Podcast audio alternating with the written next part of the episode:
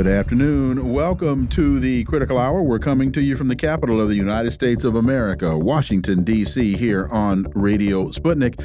I'm your host, political scientist, author, and nationally syndicated columnist, Dr. Wilmer Leon. I'm joined here by my co host, political analyst, Garland Nixon. Thank you, Wilmer. For the next two hours, we will explore and analyze the salient news stories that are impacting the global village in which we live.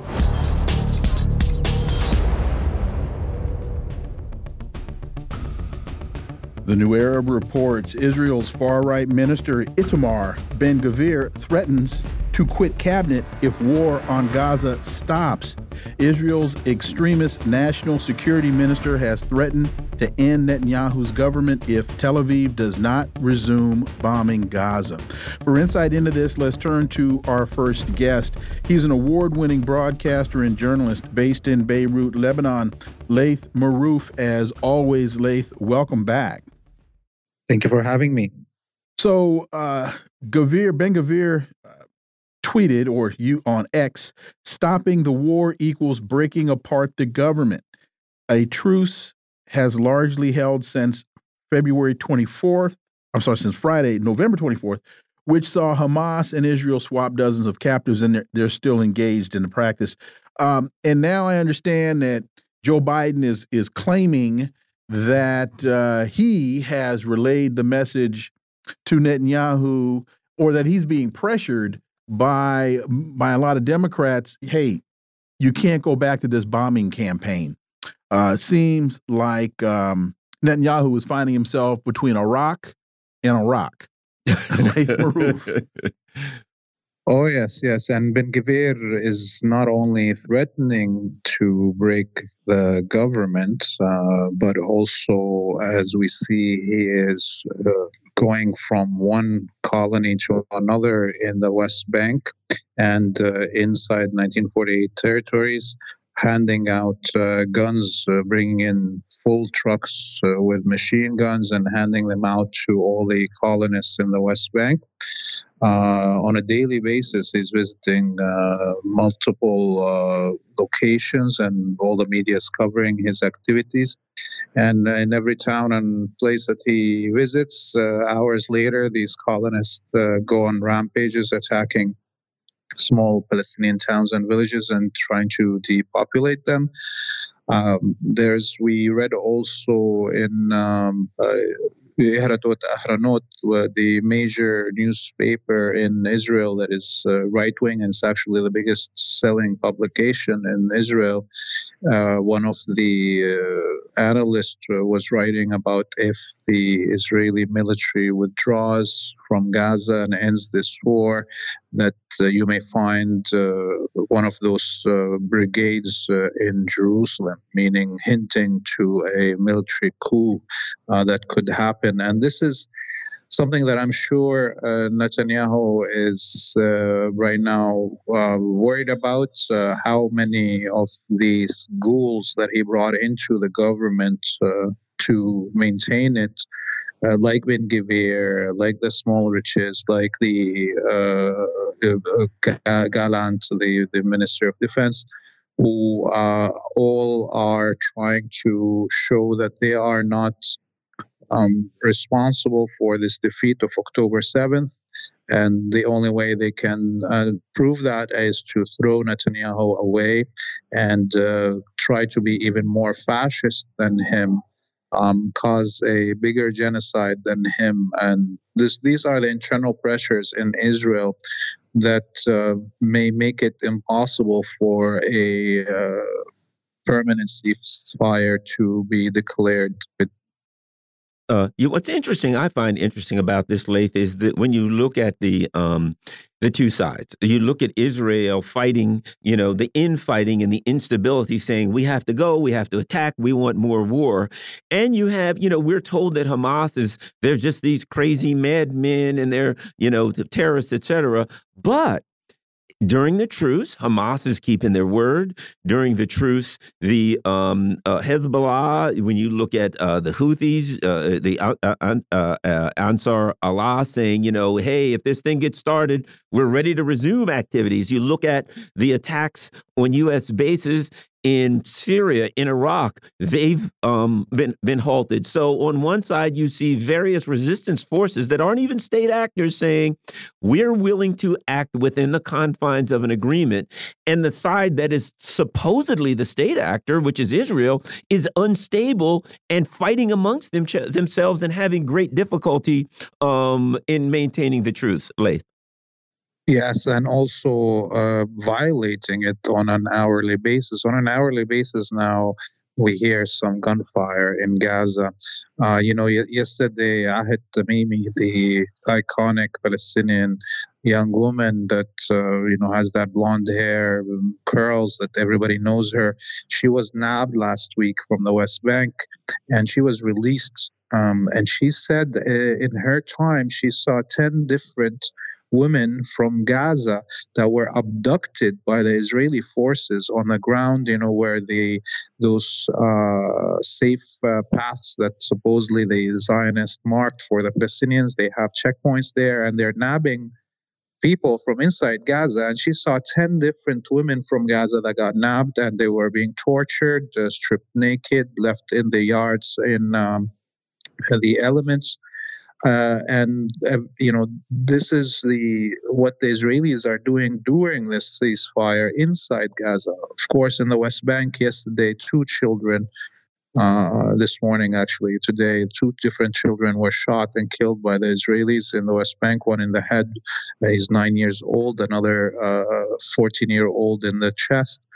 Uh, and a Palestinian citizen of Israel, a woman in a Lid uh, town, which is uh, where the Ben Gurion airport is, is a Palestinian majority uh, city inside the, the Zionist colony. She she's a pregnant woman and she's walking with her, taking her children to school, and an Israeli stabbed her to death in front of her children and you know her and and her um, unborn child died this is the reality for Palestinians during this quote unquote ceasefire. Um, the Israelis arrested more Palestinians in the West Bank since the beginning of this ceasefire than they had actually released in the exchange of the prisoners of war with uh, Palestinians in Gaza. We've talked about this uh, earlier in the week, but I wanted to get another uh, your take on this in terms of what impact is the United States having on this on this truce? Uh, we saw Tony Blinken today in Western media. He's there on the ground again. I think that this is his fourth trip.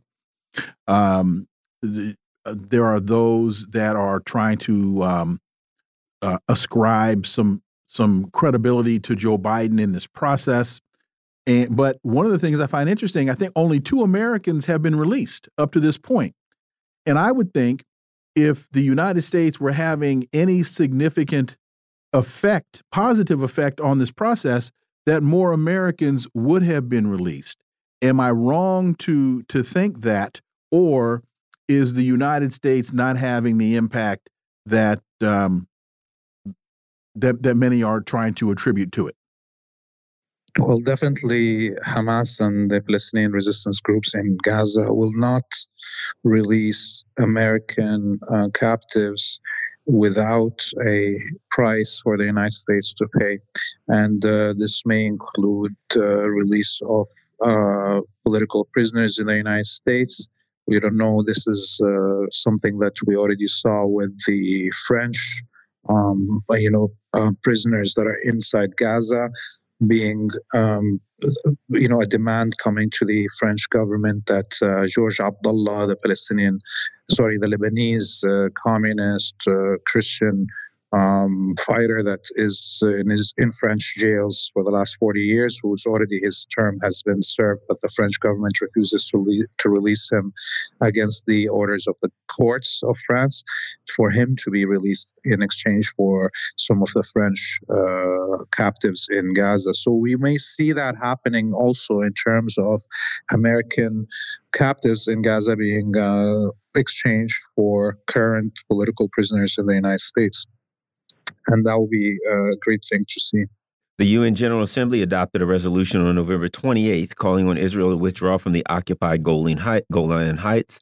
The resolution stated that Israel's continued occupation of Syrian territory constitutes a stumbling block in the way of achieving a just, comprehensive, and lasting peace in the region. It seems that they've been there for a while, but this particular um, uh, uh, conflict now is making making it tougher to continue to do that, which is, of course, a violation of international law. Your thoughts, Laith? Yes, and uh, look, uh, this occupation of the Golan, um, eh, there's also the American occupation of northeast Syria and the Turkish occupation of uh, Idlib uh, and some parts of Aleppo. These are the reasons Syria currently is in such a bad economic situation and uh, is unable to provide for its population. The, the Golan Heights must be returned to Syria.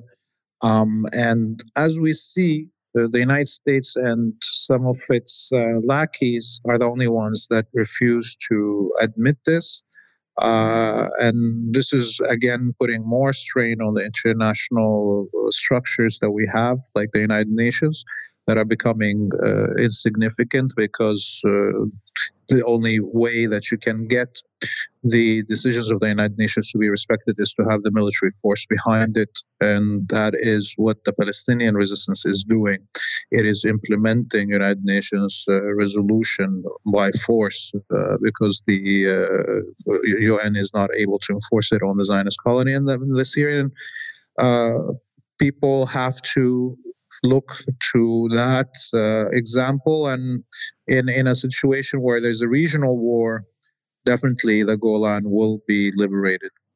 And that was going to be my next question. Does the Golan become another front in this conflict? You've got Lebanon, if I have my directions correctly, you've got Lebanon in the north, you've got Gaza in the south, the the West Bank is kind of in the middle, and so now would would the Golan become an an additional front that the IDF would have to would have to deal with? It was already becoming one. Uh, so in the last days before the ceasefire came into effect, uh, we already saw uh, missiles coming from um, the liberated parts of the Golan hitting uh, Israeli positions and we saw uh, Lebanese uh, missiles hitting Israeli positions in the occupied Golan Heights.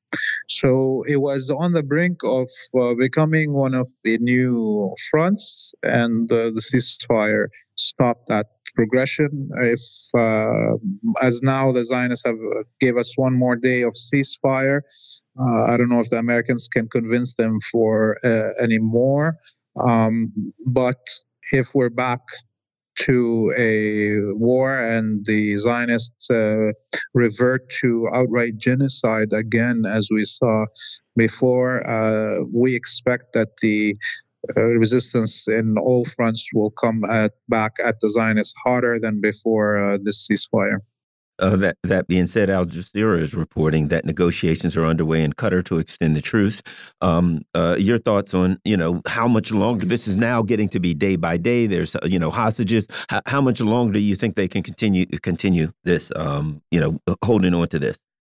Well, uh, Hamas and the Palestinian groups in Gaza are running out of uh, non-combatant uh, prisoners of war, uh, meaning uh, what's uh, left uh, now is going to be soldiers and security officers and what have you that are in, in, captured in Gaza.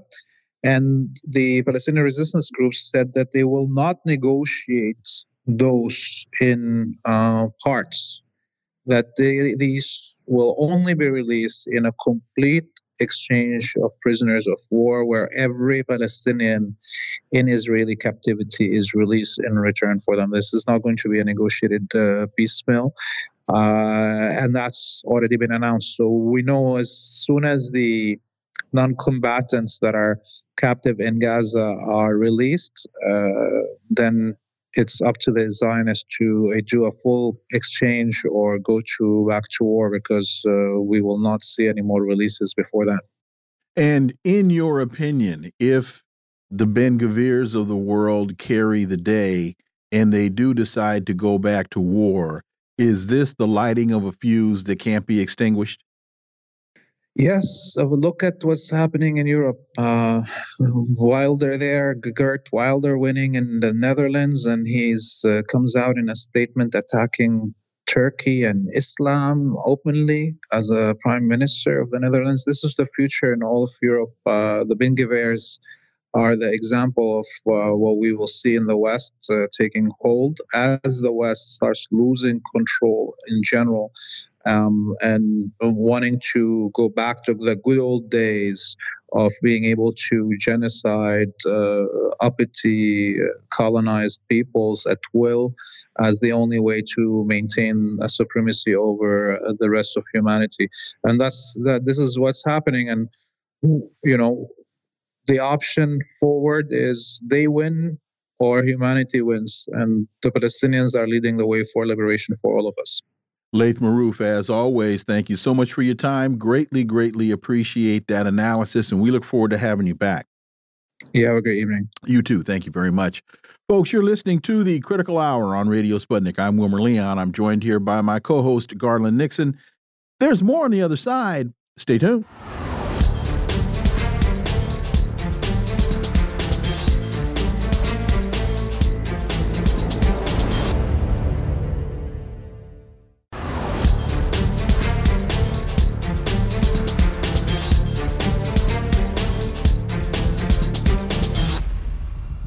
We are back, and you're listening to the Critical Hour on Radio Sputnik. I'm Wilmer Leon, joined here by my co host, Garland Nixon. Thank you, Wilmer. Sputnik International reports Kissinger's controversial legacy.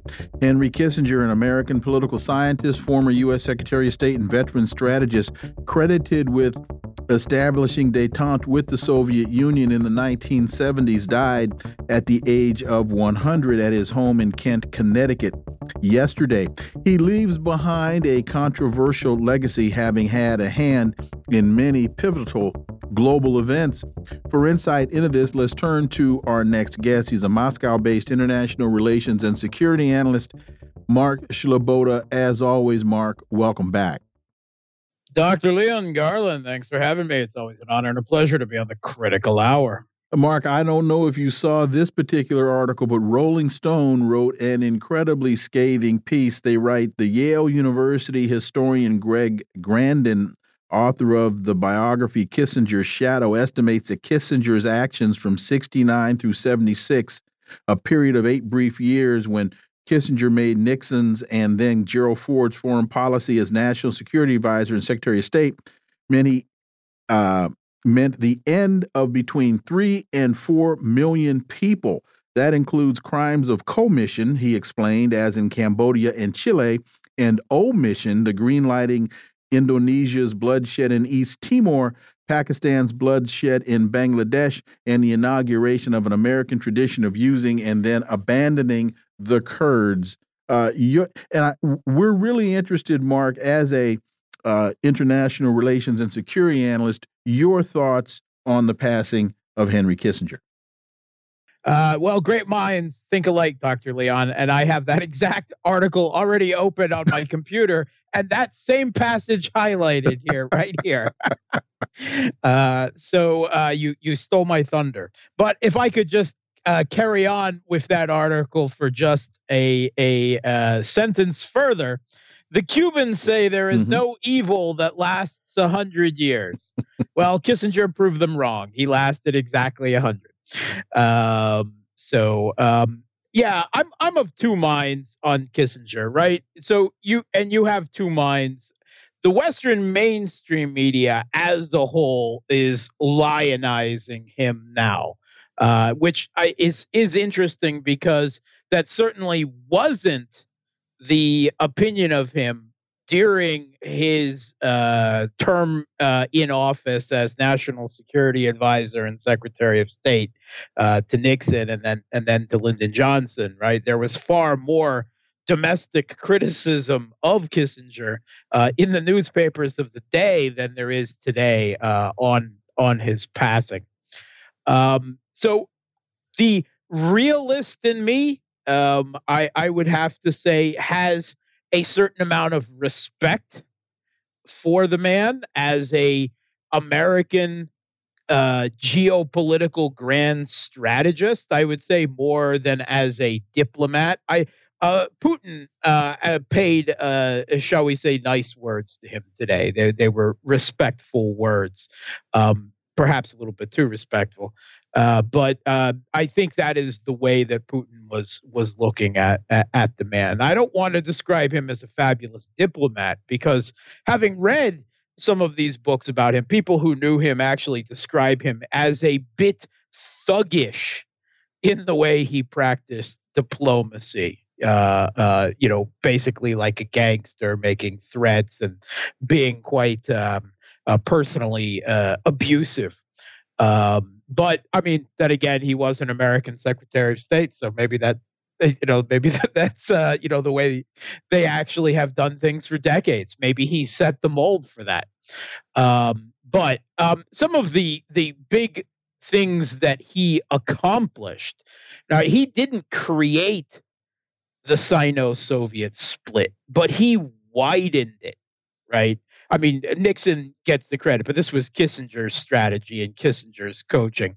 He widened it and he exploited it for U.S. geopolitical interests. And if you had to point to one single thing, and it's not just one single thing, but if there is one single thing that uh, uh, cost the Soviet Union the Cold War, it was the Sino Soviet split uh, which is a lesson, I think, for Russia and China today in the current geopolitical situation. But uh, Nixon engineered that, right? He engineered the um, uh, opening up of China um, and um, uh, the exploitation of that and and further the division between the Soviet Union and China, and that was incredibly important uh, geopolitically. Uh, so uh, the man certainly made mistakes. Uh, his um, um, shall we say scuttling of Vietnamese uh, peace talks uh, which led to the war in Vietnam consider uh, continuing for another to seven eight years, and the U.S. Uh, leaving in disgrace and and um, uh, defeat. Then uh, are are some of his less uh, stunning points. but um, the part of me that has a shred of human morality left, and and shall we say post leftism, um, is can can only celebrate the death of uh, what uh, the uh, alternative media is rightly also identifying as a war criminal of all war criminals, who in many ways set the standard for all the abuses of American and foreign and military policy that have followed uh, with his expansion of the Vietnam War into open carpet bombing campaigns of Laos and Cambodia, um, the uh, support uh, for the overthrow of Allende and the Pinochet dictatorship uh, in Chile, support for the dirty war in Argentina. Um, you've already mentioned uh, East Timor and Bangladesh. The man has, uh, you know, uh, if, if, you know, Judeo-Christian mythology has any limit, any validity, the man certainly has millions of souls eagerly awaiting him uh, wherever he is descending down to uh, upon his his death. Um, in in terms of international relations theory, in particular, he is credited with the madman theory, whereby him and Nixon agreed that they would try to present Nixon as if he's a crazy person, and with his finger on the nuclear weapon and that way he could get concessions from the Soviet Union, from China, uh, and other countries by playing the madman, and that's a, an actual theory uh, in international relations. Uh, on a personal level, uh, you know, reading um, uh, tape transcripts and accounts, the man was a clear racist. He, in general, regarded American quote unquote blacks as all communists um, uh, which he also had a hatred for. And he regularly spoke of his own people being of Jewish descent himself. He regularly uh, attributed things to the um, the uh, shall we say the darn traitor Jews in the United States uh, and the Eastern liberal establishment. Uh, so the man was uh, more than a bit of a racist, and and he would probably be identified today as an anti-Semite if he wasn't uh, already a heralded uh, war criminal. I have two little quotes quotes here that I love from Kissinger uh, to close up on that. Uh, the illegal we do immediately. The unconstitutional takes a little longer. And I don't see why we need to stand by and watch a country go communist due to the irresponsibility of its own people. Which I think that sums up his ideas of democracy. He was talking particularly there about the election of Allende in Chile. The other thing I find interesting is in recent years, you know, he went to, um, he was talking about Ukraine at some point, and you know, uh, uh, uh, let's just say derisively about the uh, the neocons' plan for Ukraine early on. Um, he was, you know, corrected, but he still, you could tell he was outside of the the Nuland, Sullivan, Blinken orbit. Um, he went to China, which is appears maybe he's certainly, you know, based on his legacy, didn't want to see that screwed up. So here's he my was point. There last month, I think. Yeah, last few months. Here's the and they welcomed the blah blah blah. Here's my point. Things have gotten so ludicrous, so absurd that this guy is coming across as a moderate. Here's a man, you yeah, know, man. this guy is now the voice of reason that tells you how crazy that this empire has gotten and the Biden administration neocons, uh, you know, where they are. Your thoughts, Mark? Yeah, I mean that's absolutely true. I mean it's pretty sad the world we're in today, uh, of where U.S. foreign foreign policy that Kissinger looks sane and thoughtful and moderate, but it's because he's a he was a realist and he still thinks like a realist, which entails a certain level of pragmatism when it's not doing cold blooded murder. And he sees that uh, picking a fight with Russia and China and Iran all at the same time is just bad policy. Uh, he said specifically once, now, you know, we're siding with the Chinese against the Soviets, but in 20 years, we'll have to do the exact opposite and ally with the Soviets against the Chinese. Well, this government, the you know the foreign policy of of Antony Blinken and Jake Sullivan will have none of that. Uh, they are neocon or or humanitarian imperialist uh, um, crusaders, right? Believing in American exceptionalism to the core, and no pragmatism of realism, and, and an acknowledgement of limitations of power and and caution, geopolitical caution, uh, you know, would would would uh, thwart them, which is why they regarded Kissinger as a nice old little old man uh, who needed to be shuffled around to the background and, and show the way the real boys like Sullivan and Blinken do things. I guess uh, more's more's the pity in that regard. And yes, it is a mad mad world when Henry Kissinger starts sounding a, a voice of of semi rationality and caution. Also, it's important, I believe, one of the things that, that Kissinger demonstrates is the, the consistency of American foreign policy. People have a tendency to believe that as administrations change, so goes the policy. But Kissinger was an instrumental factor in developing policy even once he officially or formally was no longer in power. Uh, Hillary Clinton loved Henry Kissinger, Madeleine Albright, Barack Obama, folks who we would consider to be on the quote unquote left deferred to Henry Kissinger. And so um, up until most recent times as Garland was was pointing out, up until everything went I was just insane.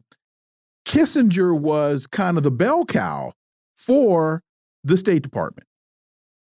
Yeah. Yeah. I mean, this is the bipartisan blob, as Ben Rhodes calls it, right?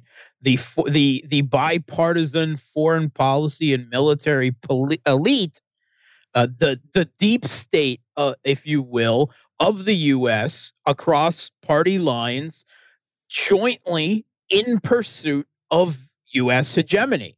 And and among these, there are really just three factions, right? They all want war with Russia, China, and Iran. They just, according to their own specialties, they prioritize which one we should go to war with and get the most resources first. And and then you've got people like Blinken who think we should just go to war with all three at the same time. Mark Sleboda, as always, thank you so much for your time. Greatly, greatly appreciate that analysis. And we look forward to having you back. Thanks for having me. Folks, you're listening to the Critical Hour on Radio Sputnik. I'm Wilmer Leon. I'm joined here by my co host, Garland Nixon. There's more on the other side. Stay tuned.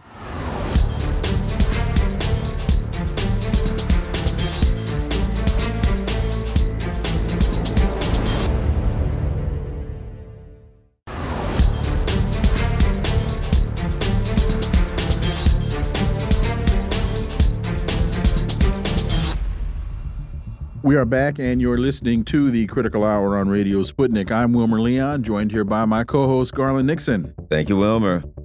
Venezuelan analysis reports unusual and extraordinary. Opposition prospects remain unclear after primary elections. The opposition primaries have come and gone, and so has the wave on which the far right surfed for a few days, fueled by turnout members that only the most fanatical dare to defend. I'm sorry, turnout numbers that only the most fanatical dare to defend. For insight into this, let's turn to our next guest. He's a former Assistant Secretary of Education and Public Service at the Smithsonian Institution and board member at Institute for Policy Studies in Washington, D.C. James Counts Early. As always, James, welcome back. Good to be back with you, both of you. So, the uh, Venezuelan analysis piece continues. The intention of Maria Machado, the winner of the primaries, was to cause the sudden death of any other option in the anti Chavista spectrum, settle the discussion early, and impose herself as the unitary presidential candidate.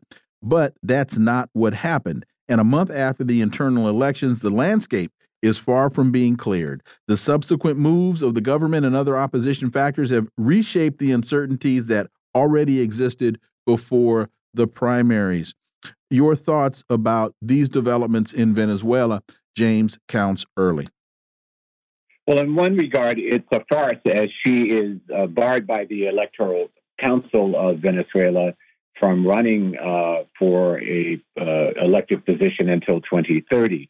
So then the question emerges: Is really what is her strategy?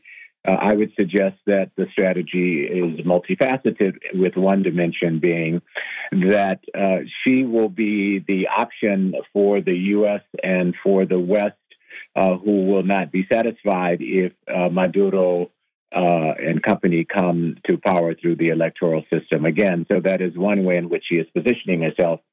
Certainly, uh, she is trying to position herself such that the opposition voters who are varied in their outlooks from uh, some differing with her from her more right wing policy to those who might be objectively called more concerned with a kind of patriotic view of how do they resolve the, the negative issues that are affecting all Venezuelans, notwithstanding the fact that they stand against the socialist uh, government uh, of, um, of uh, Maduro. And so she is uh, trying to see if she can draw some consolidation around that electorate. It seems not likely, however, given that there are several other candidates and this party that is split, one wing of which she is a member of, and uh, she, that wing does not control uh, the Democratic Action, I think, party that it's called. Uh, so I think the outward strategy is that she will be the option, the new Guaido, uh, in which the United States or the West uh, might have an option to declare her as quote unquote the legitimate representative because if they don't like uh, the outcome favoring Maduro, they will uh, declare it that uh, it was uh, illegal, unconstitutional, unfair. You know, um, and and I was a, a in Venezuela a few years ago. Um, I think it was 2020, 2021. Um, uh, and, and, at that point with a with with a delegation, and we met with people in the opposition. And what's interesting is this: there was a split in the opposition. There's a there was a split that basically said we kind of worked with the outsiders, the U.S. and um, the uh, sanctions are hurting us too. And we want to get back within the actual democratic process and be a part of Venezuela as best we can. And of course, there was another element that felt, you know, they needed to continue to work with the outside forces and the U.S. certainly to disrupt um, the circumstances. But, and, and, and I think, you know, when we think of the right wing or the opposition in uh, Venezuela, people don't realize like a lot of they were like opposition businessmen that have been slammed by the sanctions, and they even if they lost or they got a, a, a, you know a person in office here or there, they would prefer to be part of the system and get the sanctions lifted. That was their thing. Your thoughts, uh, uh, James Early? Well, indeed, I think that is an uh, accurate assessment, and I think the bottom line for sanctions against uh, any uh, developing uh, country, whether it's a socialist government in the case of Venezuela, or whether it's uh, a neoliberal capitalist government that may be smaller, uh, which is being sanctioned by the United States and the West, is that sanctions hit everybody. They hit everyday people, uh, no matter what their ideological or political outlook may be. And so it has a major negative impact on the citizenry as a whole. Then, with regard to business, uh, it also has a major impact because it curtails the opportunity for them to make profit when you've got all these sanctions that don't allow them access to international financial protocols, uh, financial funding, when third parties who might uh, do business with them are also sanctioned, including uh, parties uh, from the West uh, that the United States will then penalize. So that you have a de facto nationalist look that how do we resolve our own problems, notwithstanding the fact that they may be definitely oppositional to the Maduro government? Uh, they feel that it is in the common interest of the country to try to work out their uh, conflicts and their differences internally and to relieve both the population uh, and the capitalist elements uh, from the kind of negative, uh, sometimes detrimental impact when you talk about everyday citizens who can't get access uh, to basic medicines for diabetes or, or to uh, blood pressure machines and so forth and so on, with sanctions uh, has a tendency to cause, in the case both of Venezuela and then Cuba, is uh, perhaps the severest case that we're seeing in the Western Hemisphere. How do you think the opposition manages the claims of uh, voter fraud? That the results, that the turnout has been inflated, to make it appear, and and the votes for Machado uh, have been inflated to make it appear as though she won by a landslide.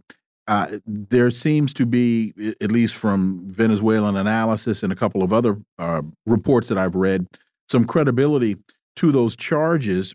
Do you see the United States hand in that part of the process? And if or if not, uh, as we get to the closer to the general election, do you think that th these charges of fraud will will haunt her? Well, on the one hand, I think what we're seeing is internecine warfare among the opposition. Uh, the term opposition would seem to suggest a consolidated outlook and strategy. However, there are several tendencies within the opposition. There is the far right tendency uh, reflected by uh, Machado, who is directly opposed to the socialist government in that terminology. Uh, that is the the uh, Maduro government. So it's a no compromise position. Then you have other stripes in the opposition uh, that have found some compromise to try to work out the common good for the nation. They've been meeting in places like Mexico, and they've come to some kind of agreement. And the United States has been directly involved in and around that, which has allowed the the lessening of some sanctions with uh, regard to Chevron pumping oil, which is also a part of then the international global issue about oil and the pressure points that go on. Uh, as I said, the, Democratic Action Party, I think it's called, has two major blocks. Uh, Machado does not control the official side of, of, of that. Uh, so that this all really redounds to the benefit of the Maduro government that when the uh, campaign uh, comes to fruition, uh, there may be other opposition candidates uh, competing with Machado, which means that they will split up the opposition vote and that will benefit uh, be to the benefit of the government uh, in power, which is the Maduro government. The Consortium News has an article, A Blunt Message for, for Israel. This is a rare example of a very direct message delivered by one government to another at the United Nations. And uh, the Venezuelan representative, the ambassador to the UN, made a very um, a clear uh, their position on it. Your thoughts on, on, on that article? Well, the, uh, this is a very important step uh, with regard, and not an unexpected one, I would suggest, with regard to Venezuela taking a very strong line against uh, the apartheid occupation um, Israeli government, which is just not Netanyahu. People should not be uh, diverted from the fact that uh, the Israeli government is a, an apartheid occupying government, whether it's Netanyahu on the far right or whether it's more centrist or so called liberal government forces. But uh, Venezuela is simply joining now um, uh, what is beginning to be a significant development in Latin America as the region of the world most consolidated uh, against uh, the slaughter, the genocide, the ethnic cleansing going on uh, in Gaza with almost 15,000 uh, people killed, perhaps half of them women and children. So Venezuela is now joining Bolivia, which has severed diplomatic relations with Israel.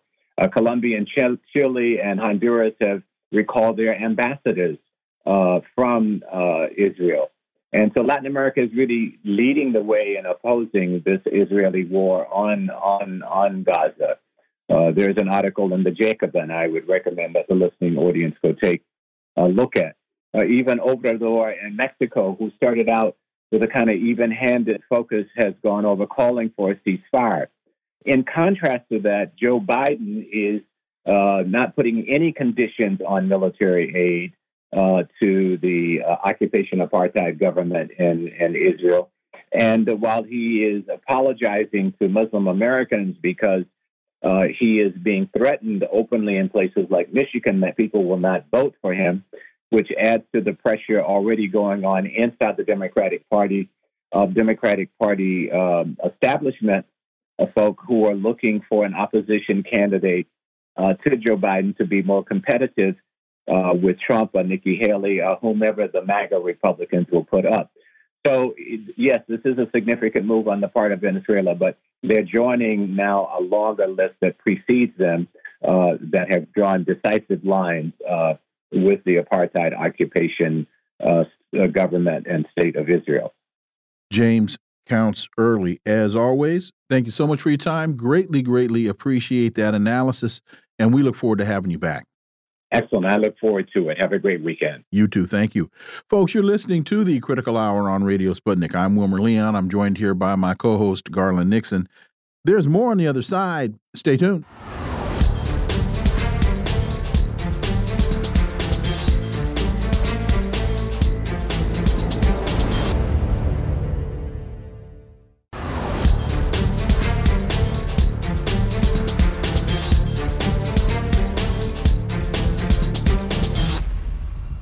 We are back, and you're listening to the Critical Hour on Radio Sputnik. I'm Wilmer Leon, joined here by my co host, Garland Nixon. Thank you, Wilmer. Consortium News reports the Nord Stream lies just keep coming. The idea that Ukraine's senior command had the ability or daring to execute the complex and risky venture of blowing up the pipelines without involving the U.S. beggars belief, writes Jonathan Cook. For insight into this, let's turn to our next guest. He's a independent investigative journalist and author of three books, The Frozen Republic, The Velvet Coup, and America's Undeclared War, Daniel Lazare. As always, Dan, welcome back. Thank you for having me. So, Jonathan Cook continues Want to understand why the media we consume is either owned by billionaires or under the thumb of governments? The latest developments in the reporting of who was behind the explosions that destroyed the Nord Stream pipelines that brought Russia's gas to Europe provide the answer. Dan Lazare, your thoughts? Well, I mean, I I think the Jonathan Cook article was very good, but actually, I I think it gave too much credence to the to the possibility that Ukraine had any role in the uh, in the attack at all. I, I still believe it was entirely a U.S. job with maybe some help from Norway, but it was done by the U.S. I think that the Ukraine I think it's far fetched to believe the Ukraine had any role in that operation at all.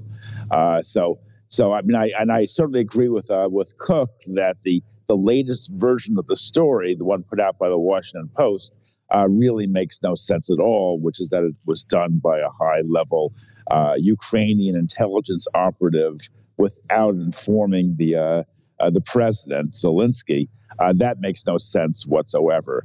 But still, I think that the whole Ukraine angle is a, is a diversion.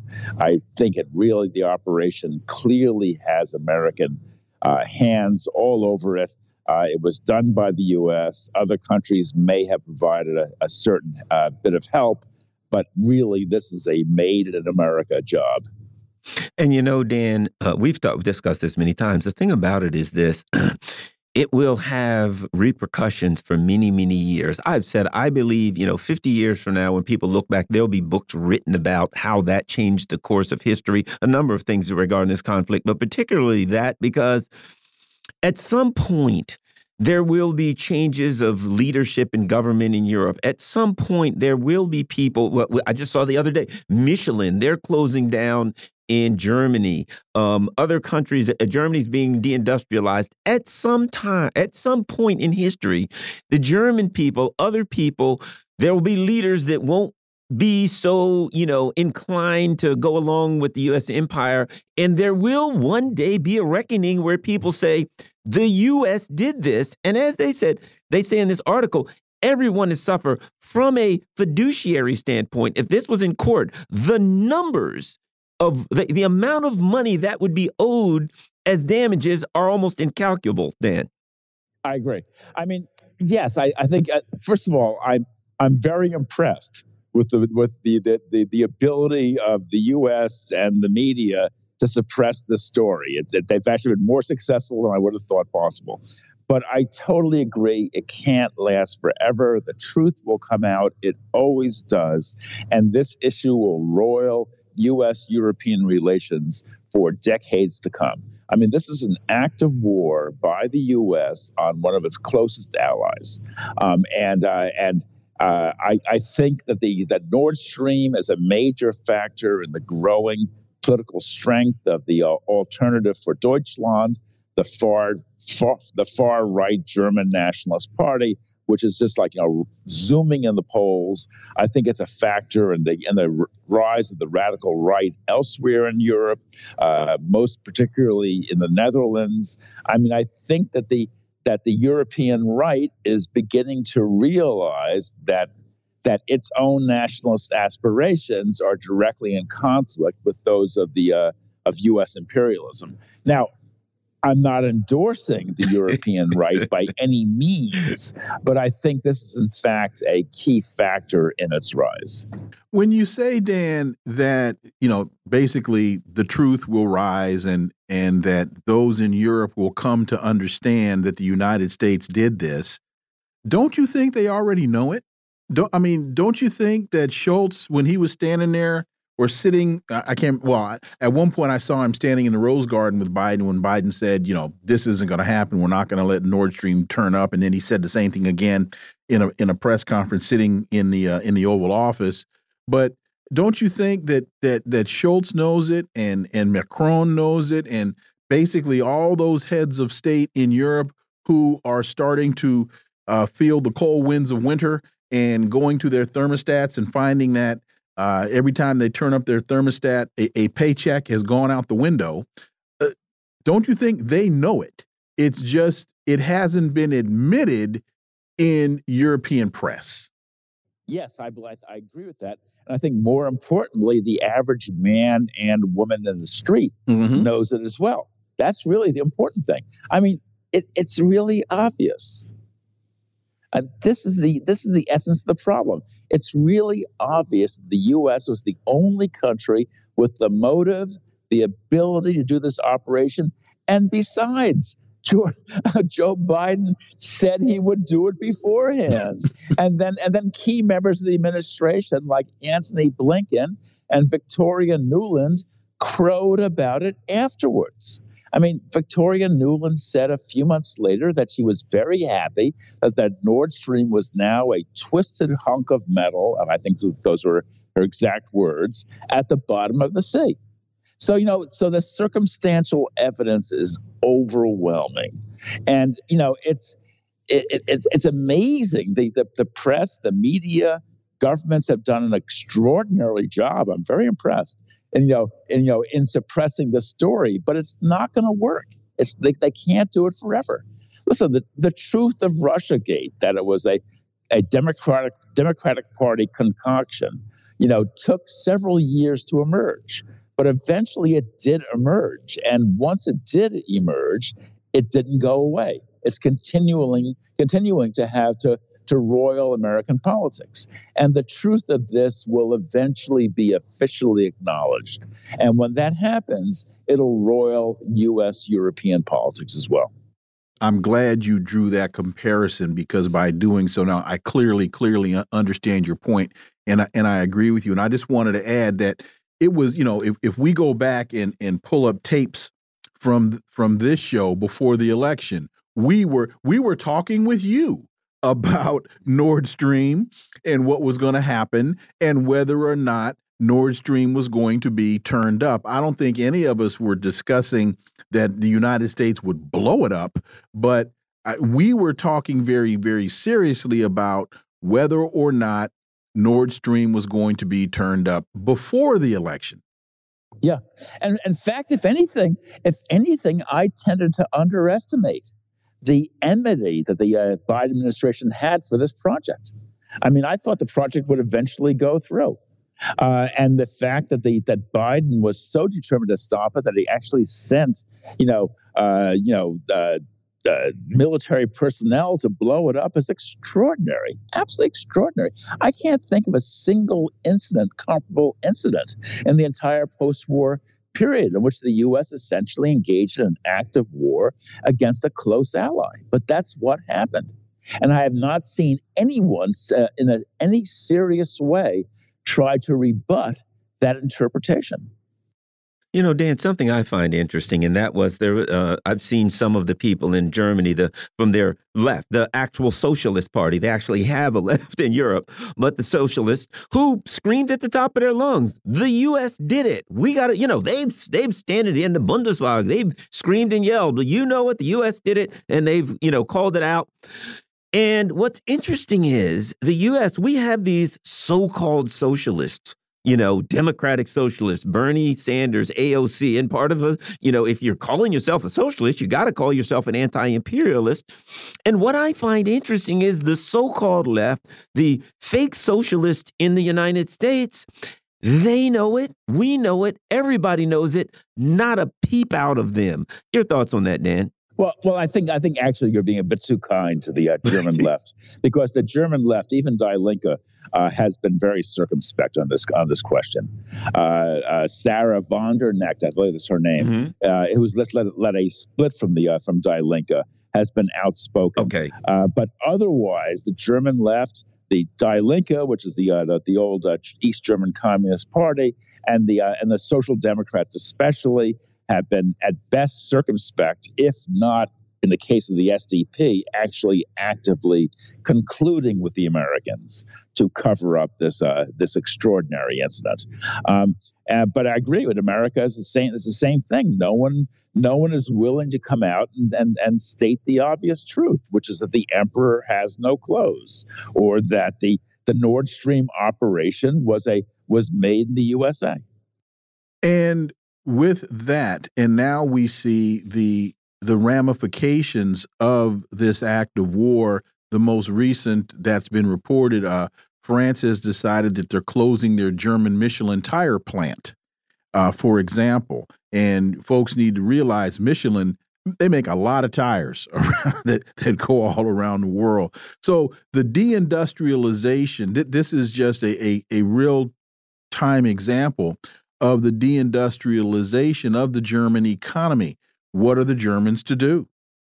Yeah, I mean, there, there's a there's a theory that the U.S. really just wants to, you know, is is out to destroy all rivals on the planet. You know, first China and Russia, and then eventually Germany as well, leaving it as the sole industrial power left on on Earth.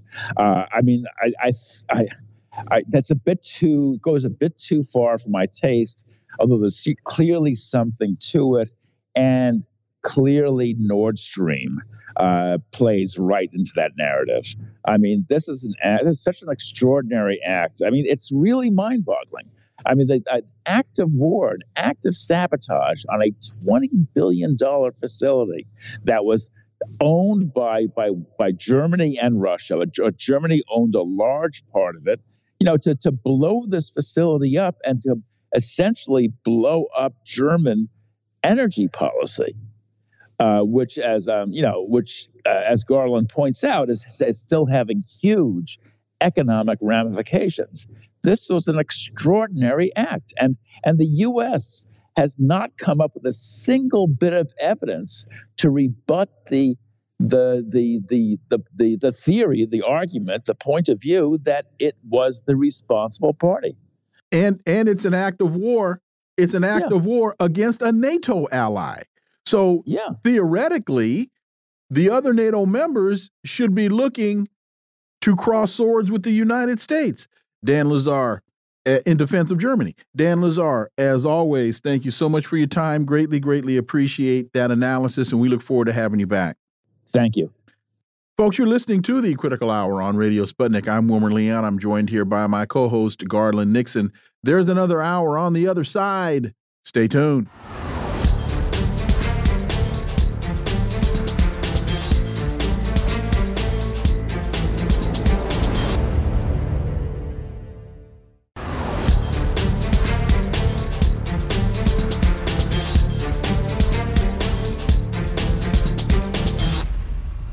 We are back, and you're listening to the Critical Hour on Radio Sputnik. I'm Wilmer Leon, joined here by my co host, Garland Nixon. Thank you, Wilmer.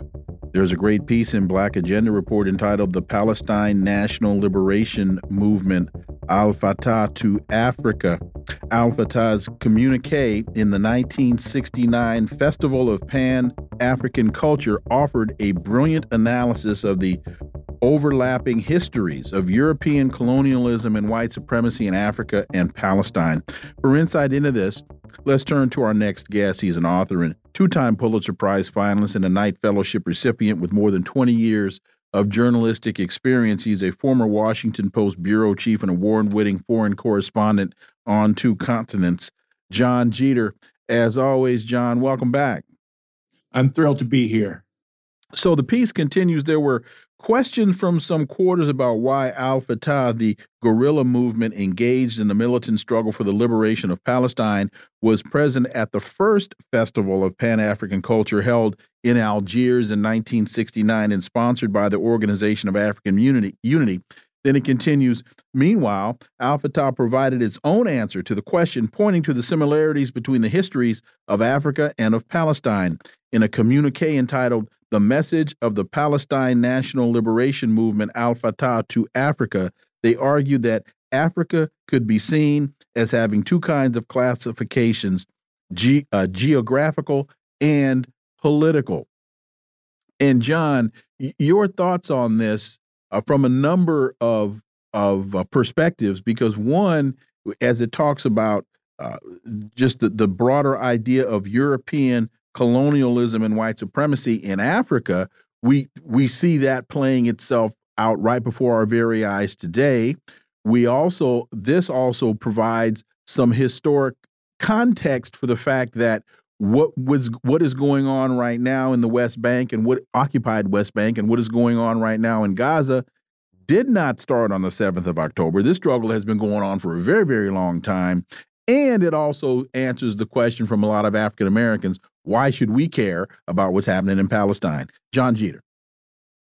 Yeah, this is really an extraordinary uh, uh, uh, story in Black Agenda Report, um, and it, it, it reminds me uh, of something I discovered uh, probably too late in life when I was a foreign correspondent in South Africa.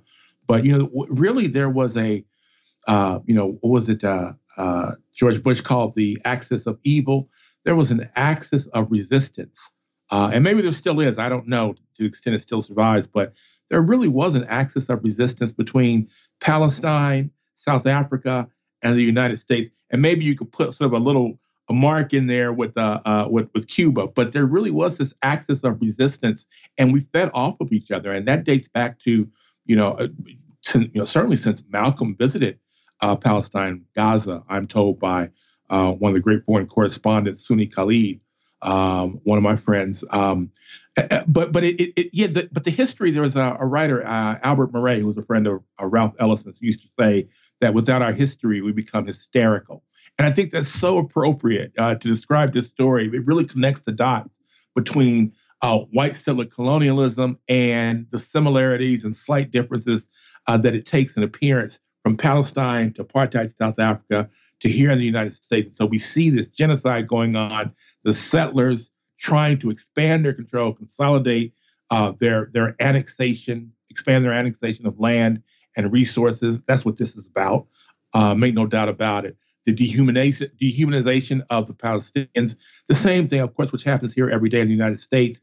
Uh, you know, the the the uh, patholo- pathologization of black men, especially black people, and of course the same thing in South Africa. And so we've got, and then there's you know even in the last days of apartheid, which uh, very much the anti-apartheid movement driven by the the boycott, divestment, and sanctions movement of that day, very similar to the boycott, divestment, and sanctions movement against uh, Israel of, of, the current day. Uh, how that was begun by a black woman and her husband, later soon to be husband, employee of Polaroid up in Massachusetts back in, I think, 1971, when they saw the pass that was being used uh, by the uh, black uh, residents, forced use, forced onto the black residents of South Africa by the apartheid system. Uh, Polaroid was taking those pictures. Their their technology was being used to take those pictures, and they really are responsible. You can trace the uh, uh, the sanctions movement against apartheid South Africa back to them. And so I just find these these connections, these the, this triangulation, right, of this of this resistance that's going all over the place between these three these three spheres of influence and resistance. And I think it helps us understand that the reason that Black Americans should be deeply invested in the liberation of the Palestinian people is because once they are liberated, ours is sure to follow. You take one brick out of the wall and the rest of the wall eventually is going to come down. Now, I'm not, I'm not talking about this going to happen the next day, right? But just as sure as, as dismantling apartheid South Africa uh, is going to lead one day to the decolonization of Palestine and, and, and the United States, is going to uh, is something we need to keep our eye on. It's, we need to keep our eye on that prize. These things are all connected. You know, once Palestine is free, uh, we will be free here in the United States. Black people here in the United States will be free eventually. And, you know, Jon, and I think um, something important is going on right now with this, uh, the conflict going on in, with the attack on Gaza right now, and that is um, a, a, a couple of things have happened. I've heard black people, you know, around say things like, you know, this kind of makes me think of what happened in America, whether it's the indigenous people, slavery, etc. Um, I find people now going back saying, "Oh, I went on YouTube and found Malcolm X talking about um, uh, the Palestinians. I found, uh, you know, Fidel Castro. I found, uh, you know, on and on and on. Uh, um, Nelson Mandela. People are waking up to realize that this always was a struggle that was recognized by the various revolutionary figures through through history. And I put it like this it has opened a scab that's bleeding again that I don't think the people in charge recognized it would open. And I don't know if they realize that it has opened. I think some of them think once we can close the door, if it's a month or three months or four months, then we'll go back the way things were. And I don't think that's going to happen, Jon.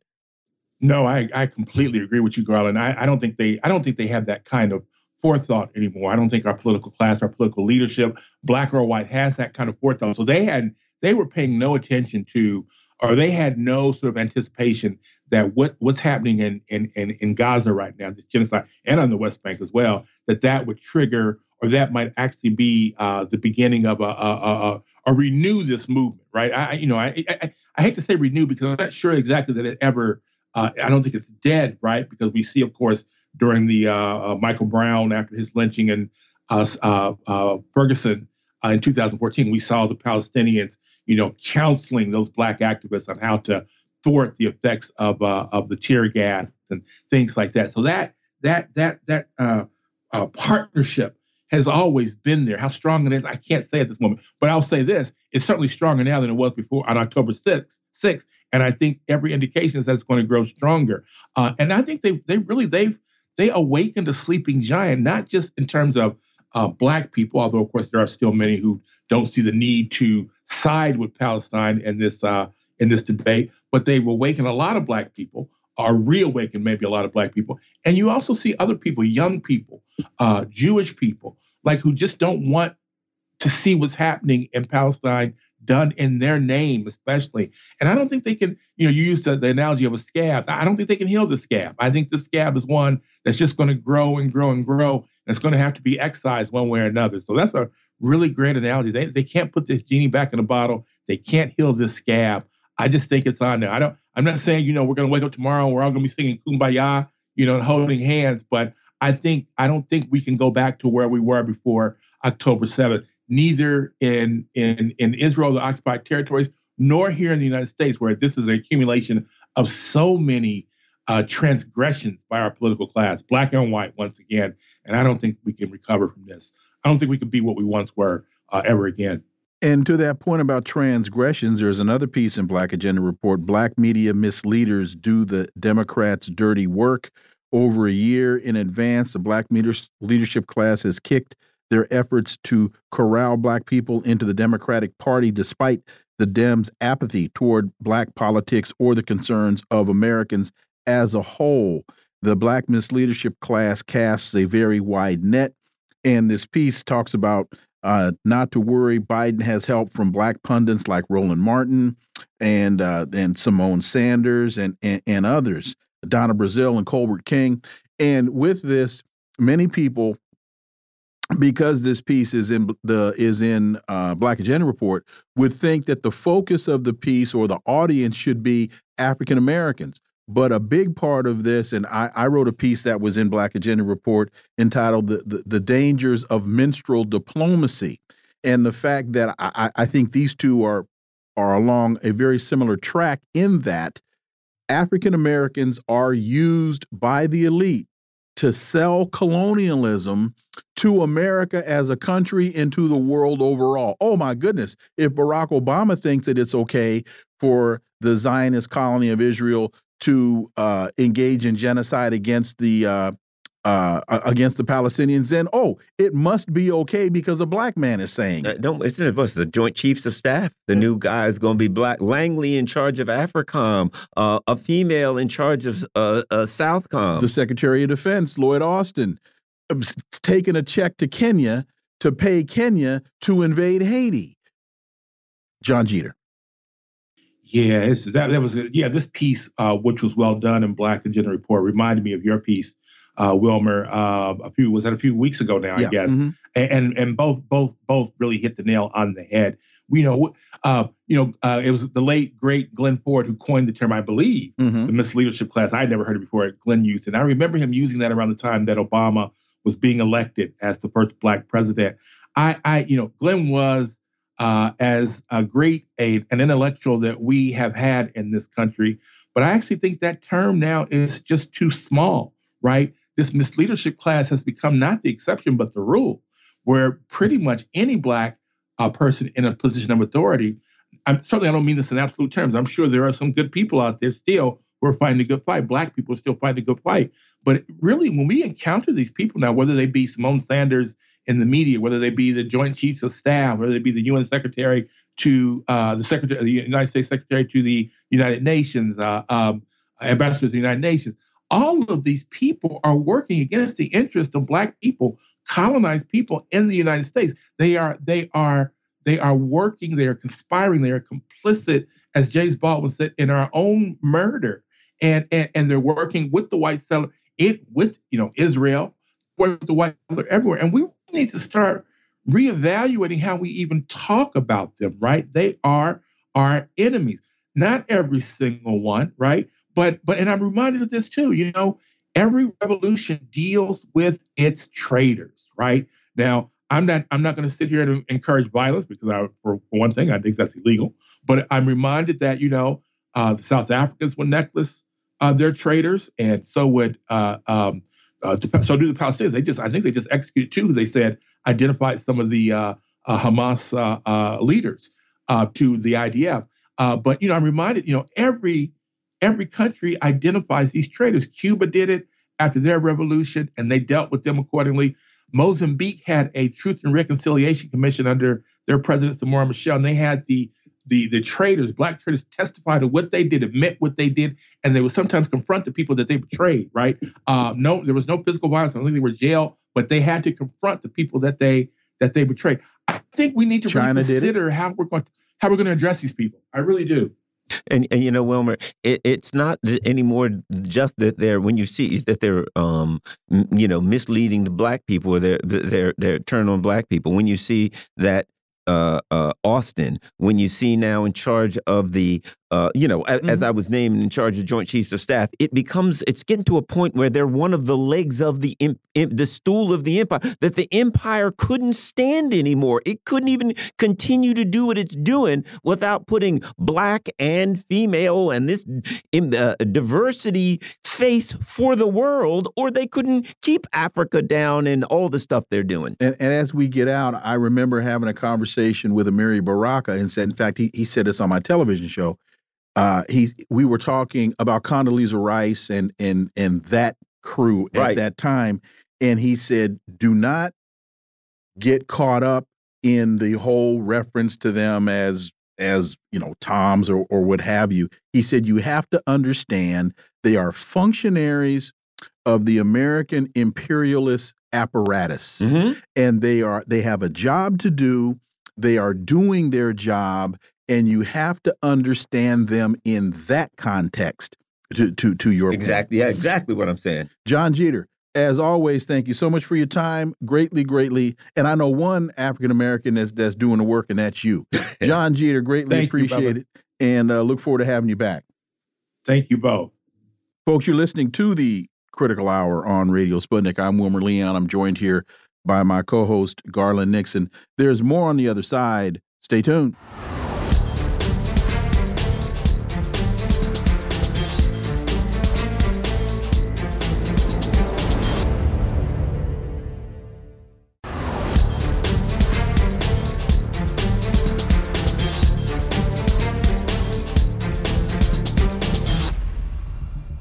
We are back, and you're listening to the Critical Hour on Radio Sputnik. I'm Wilmer Leon, and Garland Nixon will join me shortly.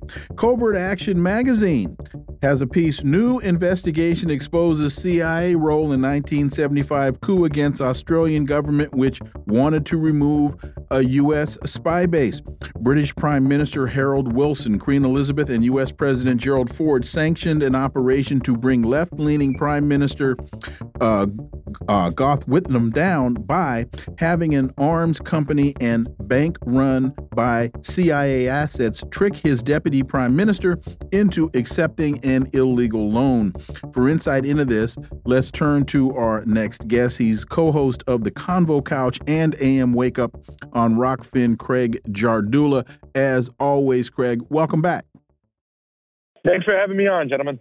So, Deputy Prime Minister and Treasurer Jim Cairns uh, was set up and made to look like he had accepted a $4 billion loan from Saudi Arabia in violation of the Australian Constitution.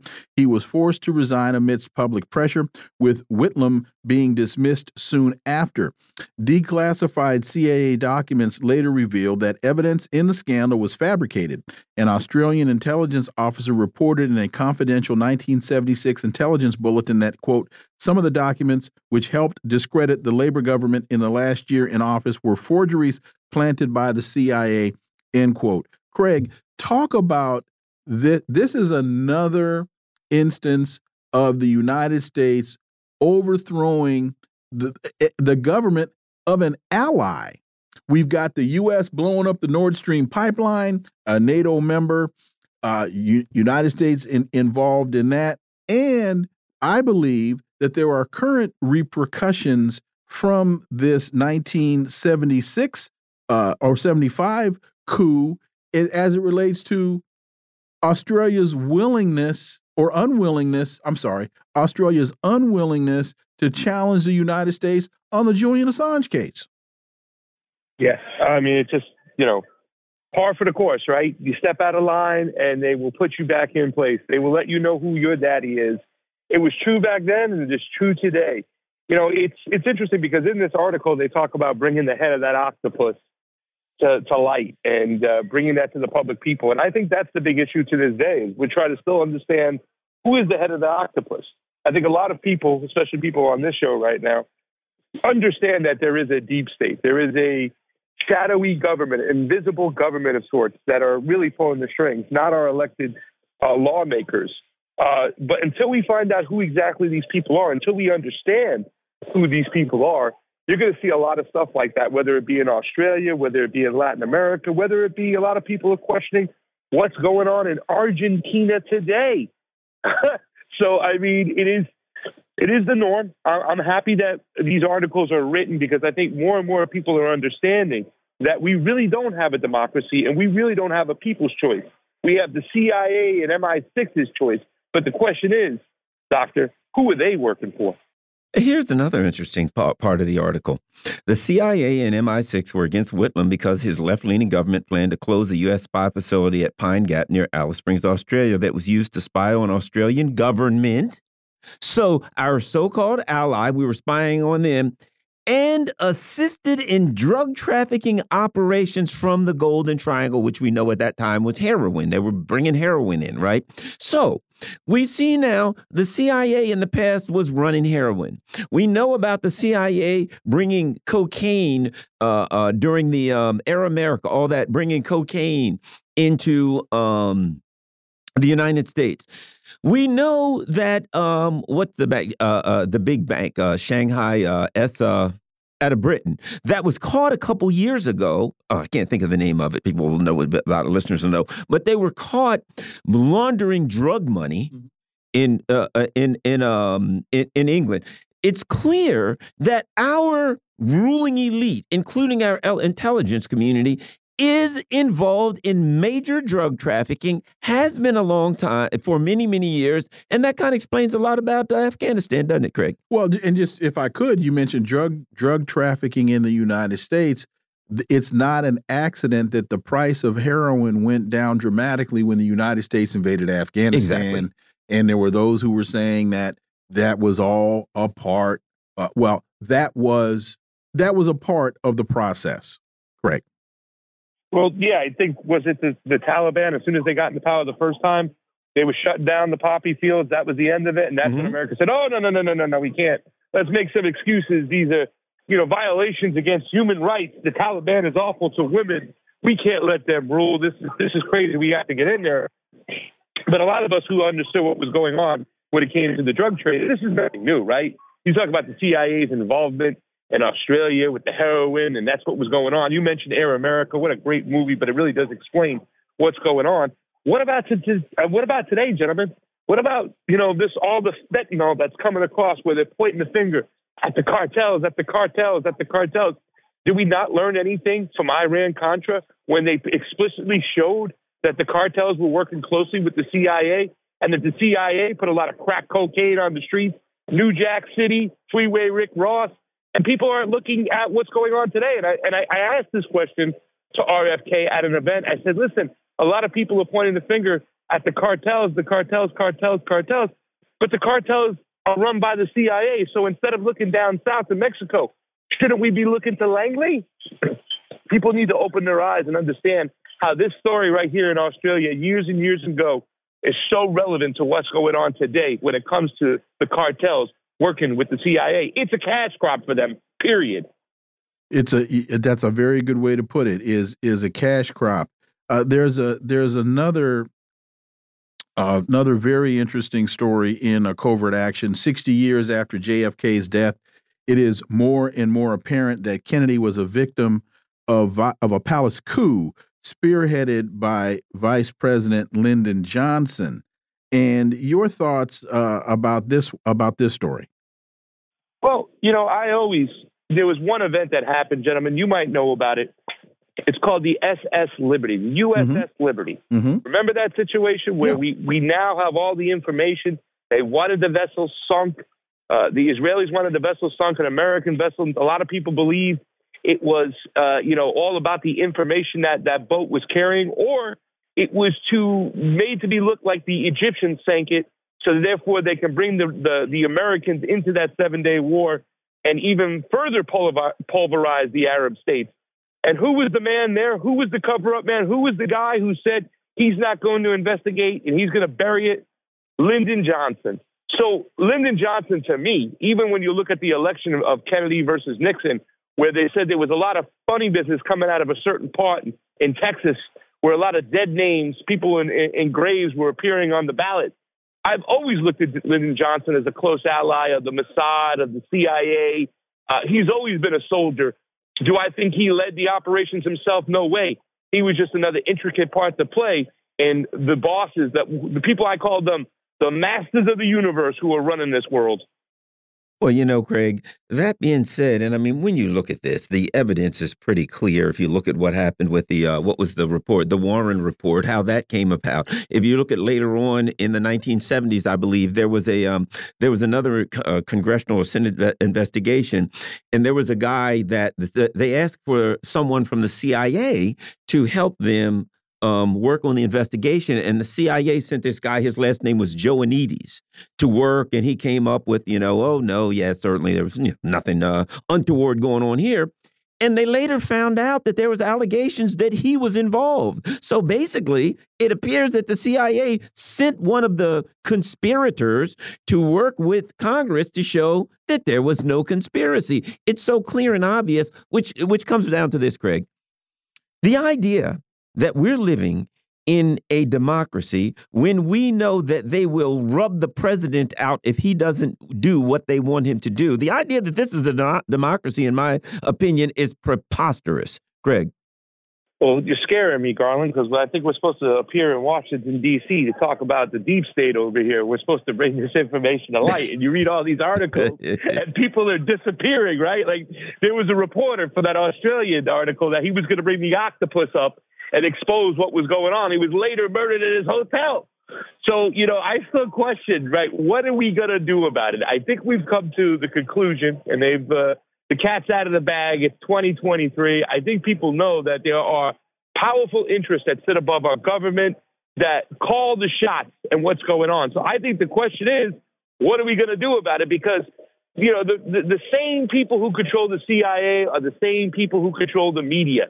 So they got us fighting each other. So the big question is, how do we break the mold? How do we come out of this? How do we, the people, really at one point in our lives, because I don't know if we ever have, how do we have the power? How do we call the shots? How do we beat back the deep state? That is the big question right now, because everywhere you look, every step of the way, they just make you disappear if you get involved, if you start to, you know, go against their narrative or expose their grift. You know, what one of the things I think that we can take away from this conversation is a, a, lot of times people get caught up in binary thinking that that it has to be this or that, it has to be one or the other, and it could very well be a confluence of interests.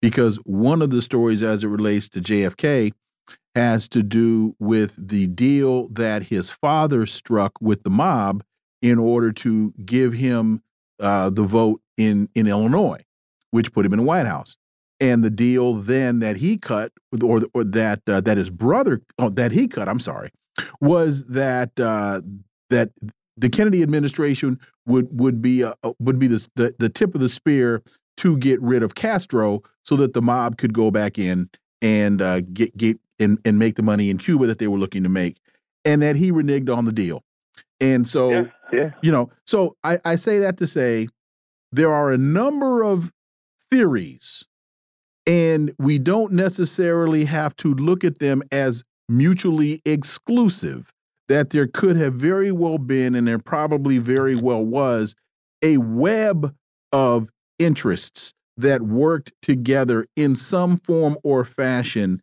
that resulted in the assassination of John Kennedy. We got one minute, we got to go. Well, I'm just going to hit you with some other stuff really quickly to put some things in perspective. You're absolutely right. And I know there was a lot of ups, people upset that Kennedy would not provide air support to the Bay of Pigs, uh, which pretty much ended that whole attempt to turn over that government very quickly. But let's look at it this way the mob that was involved, who was the head of the mob? It was Meyer Lansky, who happens to be Jewish, who happens to work with who? The Mossad and David Ben Gurion. Meyer Lansky had more investments in Cuba than any Italian man there whatsoever. So this is just a web of things going on because the connections between Meyer Lansky and the state of Israel and the Mossad itself, and then Kennedy forcing David Ben Gurion to resign. Oh man, you can open this up and you can just keep on tracking this. It goes for miles and miles, gentlemen.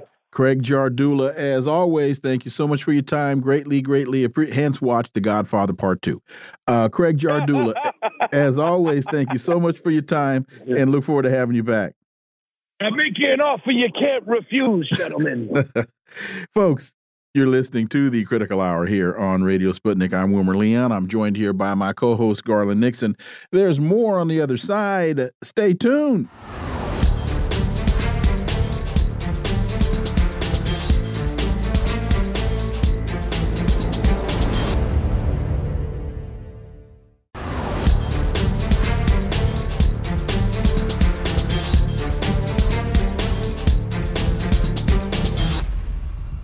We are back, and you're listening to the Critical Hour on Radio Sputnik. I'm Wilmer Leon, joined here by my co host, Garland Nixon. Thank you, Wilmer.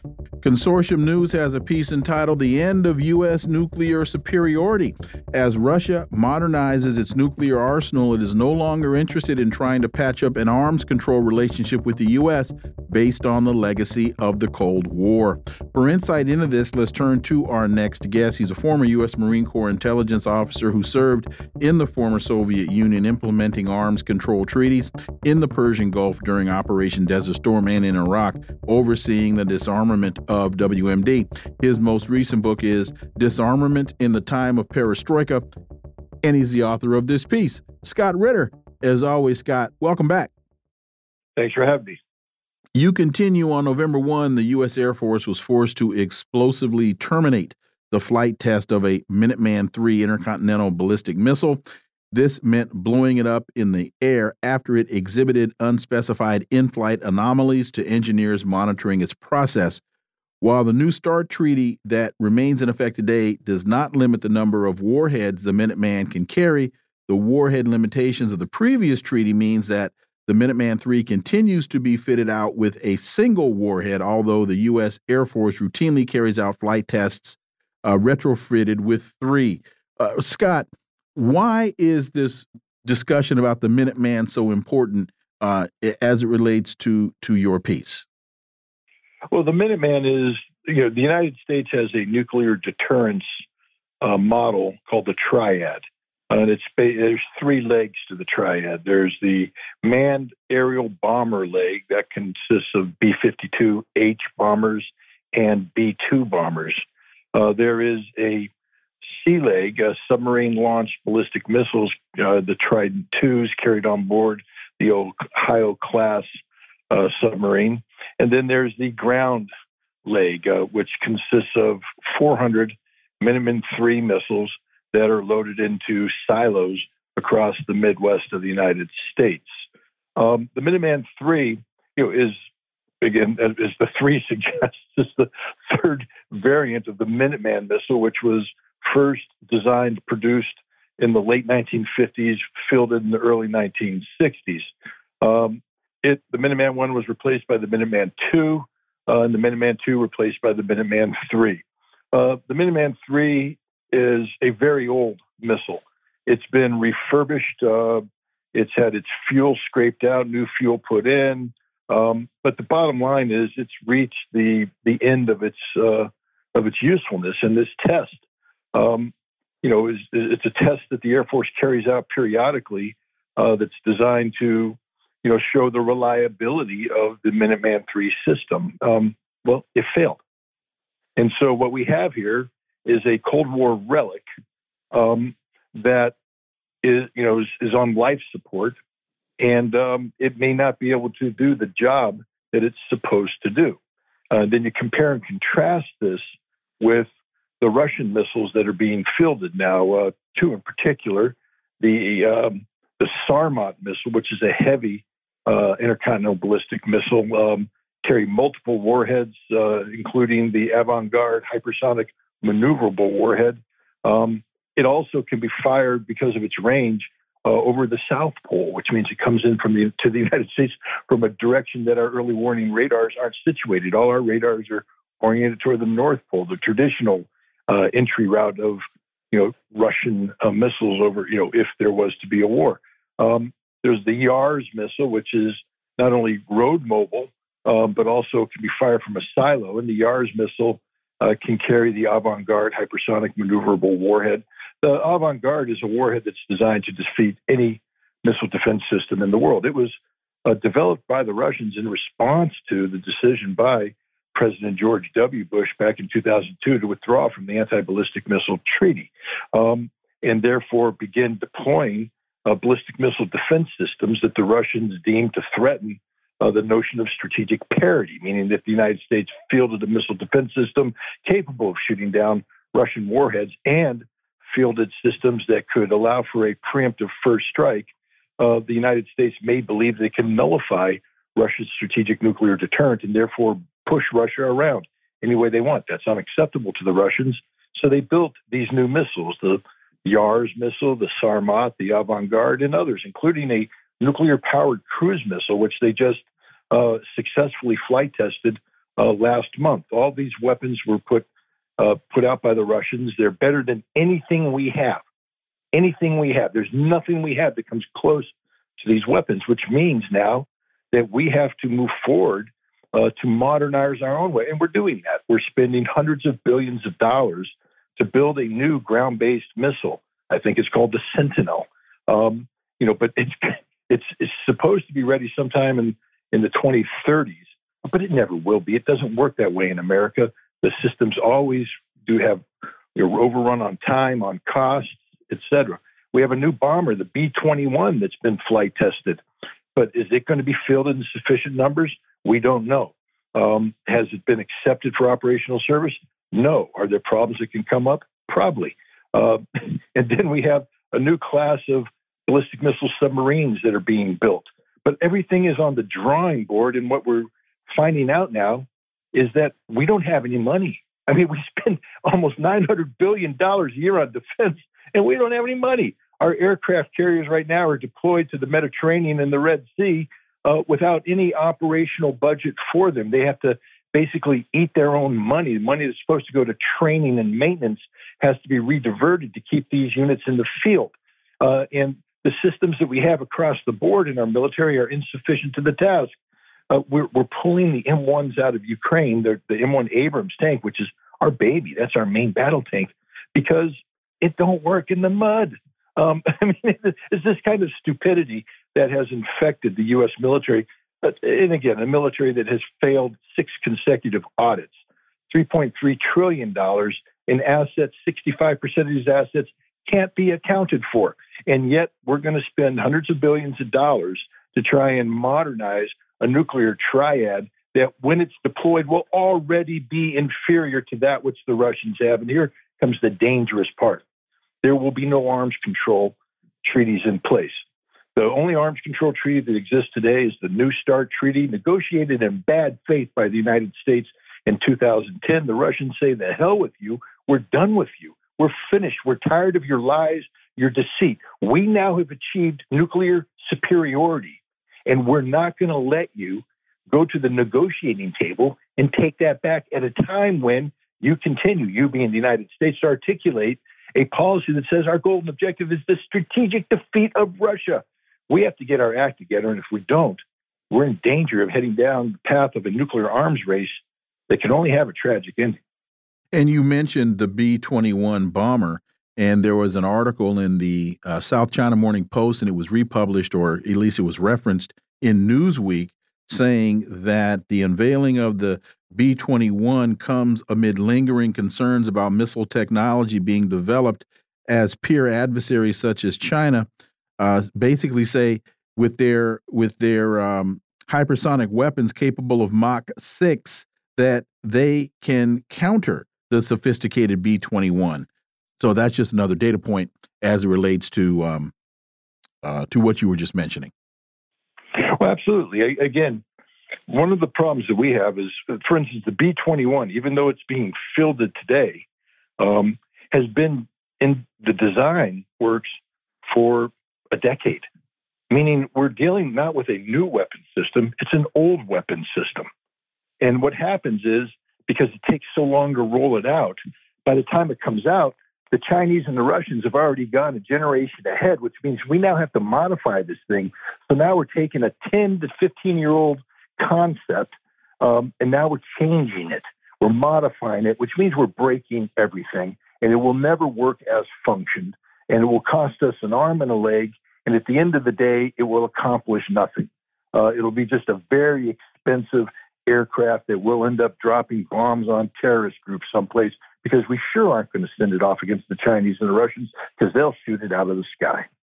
And uh, uh you know, Scott, the other thing is this: we're looking at that. This is an example of the of, of, of just how far we are technologically when it comes to missiles. Period. You know, when you look at what's going on with the type of missiles, with drones, with the U.S. literally saying we're going to try to stop China from getting new chips and new things because we have to contain us to contain them because they're going by us so fast. We're literally trying to hamstring China because they're going by us so fast technologically. We can't keep up. The only thing we can do is do the uh, Tonya Harding, uh, you know, pipe to the knees game. Uh, uh Scott. Yes, uh, the. I mean, that's funny, Tonya Harding. um, I like that.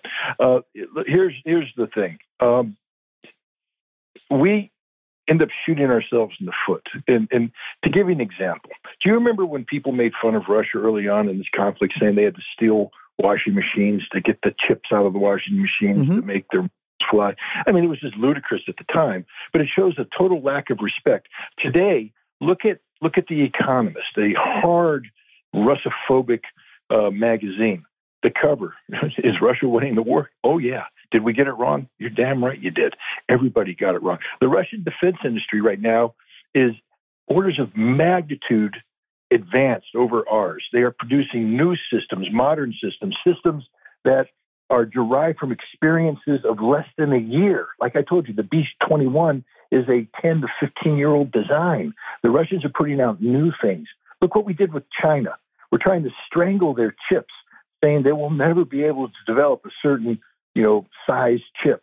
And so we cut them off from the, the, the, the, lithographic machines from the Netherlands and from this supply and that supply. And in less than a year, the Chinese are not only producing that chip, but better chips because they were compelled to do it themselves. And they are so far ahead of us in terms of other technologies. You, you know, we, we just fool ourselves. This is the problem. All of these policies are put out by a Congress that lives off of the ignorance of the American people and the fear that's generated by that ignorance. So, all of these policies are not designed to actually address the problem because they're not. The proof is in the pudding. We didn't stop Russia. We failed. Russia's succeeding on all fronts. The same thing with China. We haven't dented them at all. They're moving ahead full steam. So, none of our policies have worked except to do one thing play off the ignorance of the American people to, you know, put fear into them and then to do these policies so these politicians look strong because the last thing the politicians want to do is be explaining to the American people why the Chinese and the Russians are better than we are. And as we get out, Scott, one of the things, if you take a step back or drill down another layer, we did a we had some discussions earlier in the week on the rate of Chinese college graduation and the areas that these students are graduating from. And one of the primary areas is STEM. So China is investing in its students. It's investing in R&D and it's basically kicking American hind parts all over the globe as the United States is struggling to get to get kids out of college. Struggling to get kids out of college that we have I mean, with indebted reading level, um, right?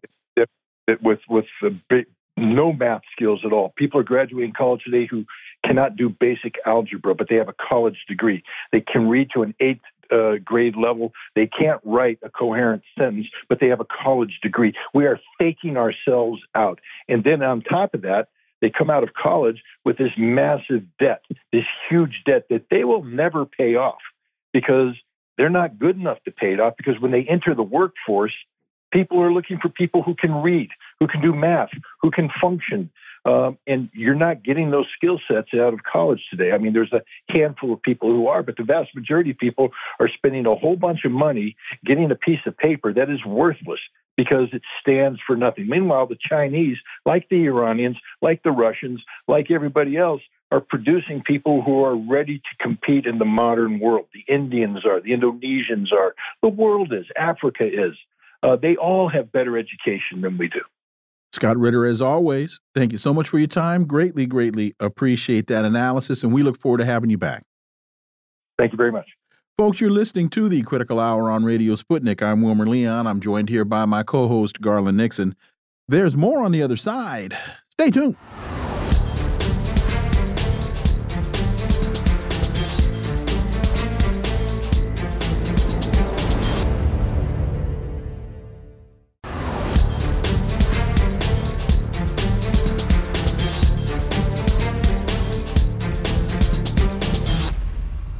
We are back, and you're listening to the Critical Hour on Radio Sputnik. I'm Wilmer Leon, joined here by my co host, Garland Nixon. Thank you, Wilmer. Black Agenda Report has a piece entitled Black Media Misleaders Do the Democrats Dirty Work. Over a year in advance, the Black Misleadership class has kicked their efforts to corral black people into the Democratic Party, despite the Dems' apathy toward black politics or the concerns of Americans as a whole. For insight into this, let's turn to our next guest. She's the senior editor and senior columnist at Black Agenda Report and author of Prejudential Black America and the Presidents, Margaret Kimberley. As always, Margaret, welcome back. Thank you so much. You continue, or Black uh, Agenda Report continues in the piece.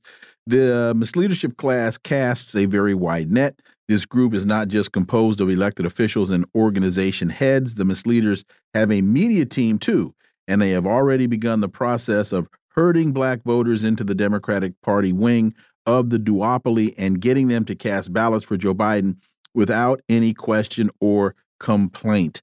You know, uh, Margaret, great piece uh, as always.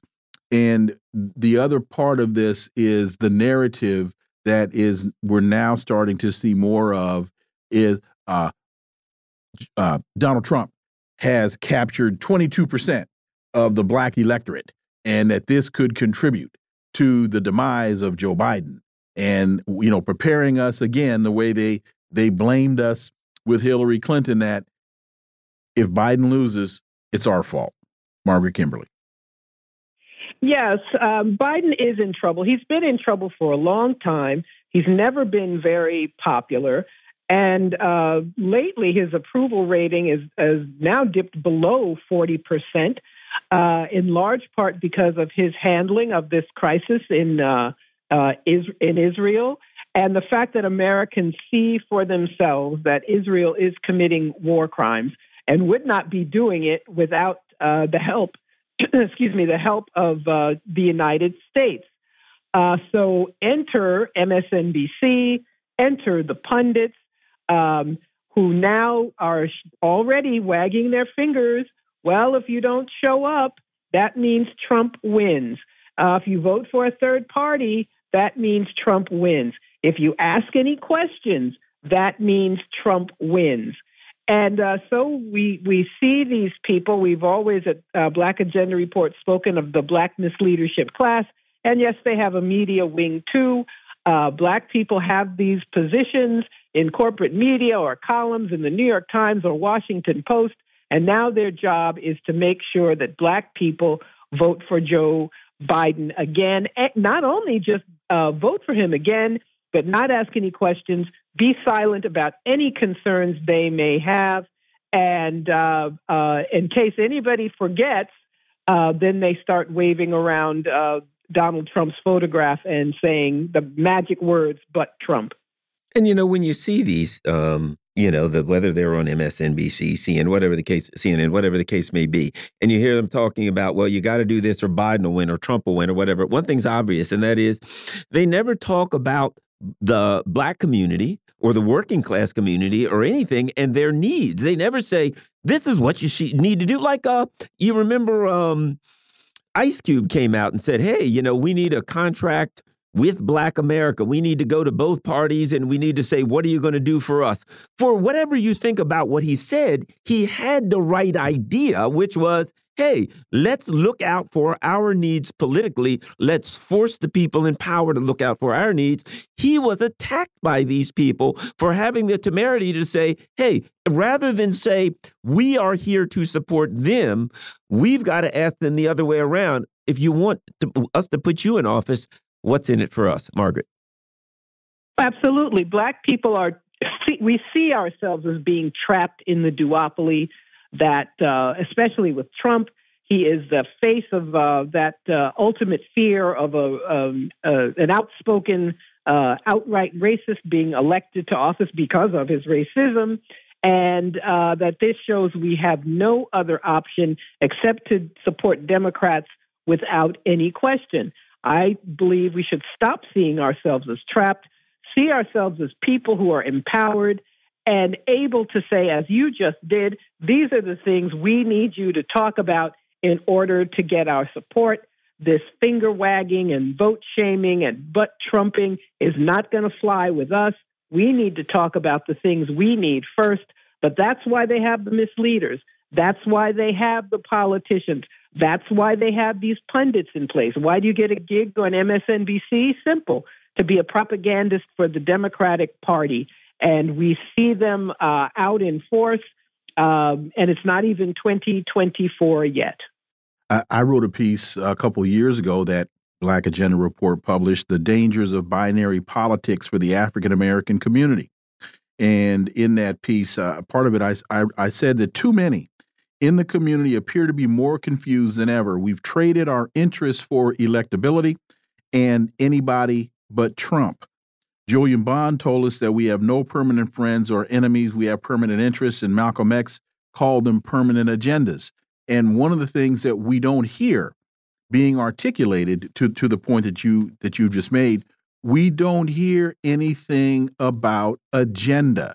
And those who and you know, and, and, it's, and it's not as though one hasn't been written. We can go back to the Gary Convention of 1972 and and read the Gary document. We don't have to start this thing from scratch. It's already there. It's just that those who are supposed to be articulating our interests are not doing so. No, and and uh, you know, while our interests remain the same, our condition has worsened over the last fifty years. Uh, more mass incarceration, uh, the triumph of finance capital, the destruction of uh, living wage works, uh, living wage work, uh, the increase in imperialism, imperialist ad- adventurism. All of these things have austerity. Um, homelessness, food insecurity, homelessness, exactly uh, all, and all that goes under the heading of austerity. Um, it's more important than ever for us, and it's, it's sad to say that uh, our politics have gone backwards in the past 50 years, but that's because people are bought off. The people that I've talked about, these are the errand boys and errand girls for the U.S. oligarchy, for the Democratic wing of the U.S. oligarchy. They work for them. And there's no reason to be excited about a certain black person having a column or a TV show if all they do is regurgitate what the ruling class wants us to do and uh, help us to forget how have when black people have done well when we have improved our situation it's always because we act in opposition to the political system. It's always because we made demands. It's always because of mass action that is what improves our lives and not um, falling for uh, the okey doke of uh, putting Jim Crow Joe, in, in this instance, back into office. Well, and, and the other thing about this is the all the austerity, all of the out, uh, uh, you know, de-industrializing, et cetera, has made misery, has created such misery in the black community that you can't scare people with anything, and also a lot of the white community now too. But when you say, well, if this guy wins, things are really going to get bad, and people are like, you know what, things are so bad right now for me. I've been asking you, you have nobody does anything can they really get much worse? Uh, was it Baldwin who said the worst thing a society can create is a man who has nothing left to lose? And, and it's kind of what they've created, Margaret. Yes, absolutely. Uh, people who either feel they have nothing left to lose, and then don't engage in the system at all, or people who are so cynical they don't engage at all. I, I'm always skeptical of these polls which show uh, Trump having X amount of support among black people. But I'll tell you, one of the reasons Trump won is that in those key swing states, many black people stayed home. And uh, may know that, of course, and that's why uh, Symone Sanders Townsend said, "Well, all you need is for black people to stay home. You don't even, uh, you know, have to vote for Trump." So they're pulling out all the stops except in doing the things that they should do, doing the things that they claim they want to do uh, in order to encourage voter participation. All they have left is guilt tripping and vote shaming. Uh, in order to try to squeak through, to thread that needle, to get back into office without doing the things that Democratic Party voters want them to do. And as we get out, Symone Sanders' comment is out of context, as many of these types of comments are, because what she fails to articulate is, and we've said this numerous times on this show, how poor of a candidate Hillary Clinton was. And she didn't campaign in Michigan. She waited to the last minute to go to Pennsylvania. And she didn't speak to the African American. If you look at her spend in the Af her her her her her um, political spend in the Afri African American community, it was damn near zero. And she waited till the last minute to bring out Barack Obama, thinking like lemmings to the sea, we would follow him like the Pied Piper. Margaret Kimberley, eh, so the context is always important, and they always leave that point out. 20 seconds, Margaret. Yes, they do. They always leave that out because they don't want to admit how they uh, screwed up so badly and put Trump in office, the man they thought was easiest to beat. Absolutely. Margaret Kimberley, as always, thank you so much for your time. Hey, folks, you've been listening to the Critical Hour here on Radio Sputnik. Thank you for allowing our voices into your space. On behalf of myself and my co host, Garland Nixon, we hope you were informed and enlightened, and we look forward to talking with you all right here tomorrow on Radio Sputnik. Be safe. Peace and blessings. We're out.